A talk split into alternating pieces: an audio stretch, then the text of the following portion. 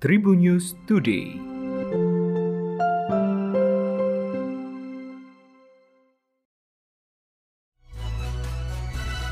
Halo Tribuners, berjumpa kembali bersama Memes di Tribun News Today. Memes akan berbagi informasi menarik untuk kamu dimulai dari berita nasional.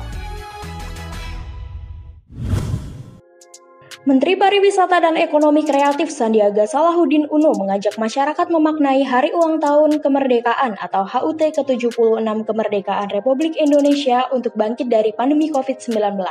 Mengenakan pakaian adat khas Riau, Manparekraf mengikuti rangkaian upacara yang disiarkan langsung dari Istana Kepresidenan Jakarta pada Selasa 17 Agustus 2021. Manparekraf mengajak masyarakat khususnya pelaku pariwisata dan ekonomi kreatif dan seluruh pemangku kepentingan meningkatkan persatuan dan kesatuan agar bisa keluar dari tantangan ekonomi. Bertepatan pada perayaan HUT ke-76 Kemerdekaan Republik Indonesia, terdapat lima orang yang juga diberikan tanda kehormatan Satya Lancana Kepariwisataan. Lima orang tersebut yang dinilai memiliki jasa besar atau berprestasi luar biasa dalam meningkatkan pembangunan, kepeloporan, dan pengabdian di bidang kepariwisataan. Pemilihan lima orang tersebut dilakukan melalui tahapan seleksi Kemenparekraf untuk diusulkan kepada Presiden Joko Widodo. Baru kemudian oleh Presiden ditetapkan lima orang tersebut sebagai penerima tanda kehormatan Satya Lancana Kepariwisataan. Mereka di antaranya adalah almarhum Ida Pedanda Gede Ngurah Karang dari Provinsi Bali, Cokorda Gede Putra Arta Astawa Sukawati dari Provinsi Bali, Nuryanto dari Provinsi Jawa Tengah, Yohan Tangke Salu dari Provinsi Sulawesi Selatan, dan Suhardi dari Provinsi Sulawesi Selatan. Kejadian tali bendera putus terjadi di Nusa Tenggara Timur, tepatnya di lapangan Pangudorade, Desa Ubupade, Kabupaten Sumba Barat pada Selasa 17 Agustus 2021 kemarin. Bahkan aksi yang dilakukan Soleman Sairo viral di media sosial Facebook dan sudah dibagikan sebanyak 1895 kali. Dalam video yang diunggah akun Facebook at Petrus Wali tersebut terlihat seorang anggota Paskibra memanjat tiang bendera yang mengalami putus tali. Tetapi rupanya Paskibra tersebut tak cukup kuat untuk meneruskan memanjat. Akhirnya digantikan oleh seorang pria bernama Soleman Sairo yang melepas bajunya kemudian langsung memanjat tiang tersebut. Beberapa kali Soleman terlihat terperosok karena tiang bendera tersebut licin.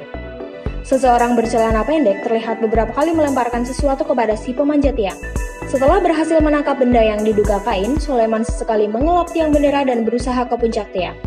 Usai mengambil tali yang kusut, pemanjat dengan sigap kembali turun ke permukaan tanah yang sudah dipenuhi sejumlah orang untuk menolongnya.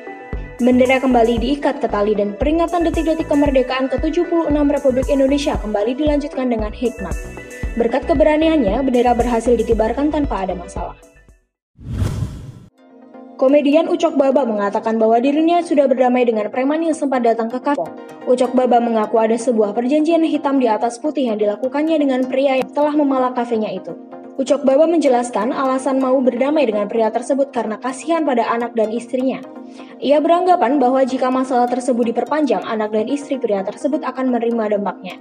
Ucok memahami mengapa pria tersebut melakukan aksi memalak ke kafenya di kawasan Depok itu meski mengaku sebagai orang kaya.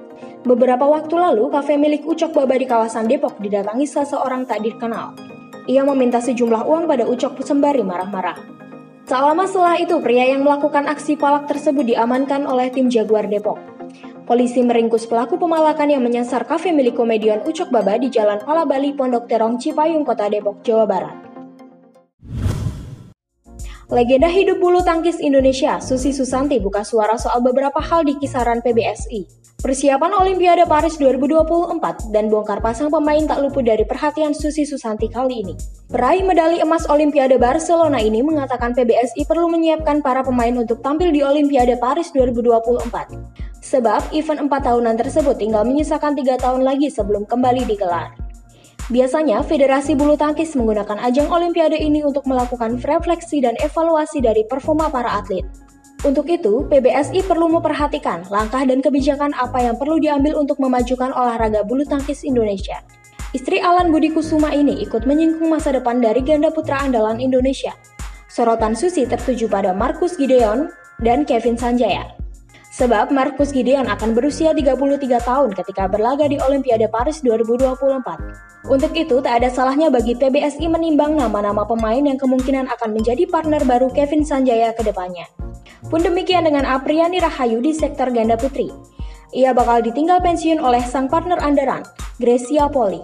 PBSI memiliki tantangan tersendiri untuk mencari siapa suksesor dari Markus Gideon dan Gracia Poli ke depan. Demikian tadi empat informasi terkini yang menarik untuk kamu ketahui. Jangan lupa untuk terus mendengarkan Tribun News Today hanya di Tribun News Podcast, Spotify, dan YouTube tribunnews.com. Memes pamit undur diri, sampai jumpa. Tribun News Today.